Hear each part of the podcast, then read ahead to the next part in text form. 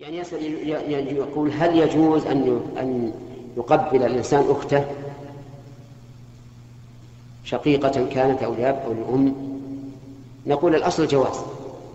لكن لا ينبغي أن يقبلها على الخد أو على الفم وإنما يقبل على الجبهة على الرأس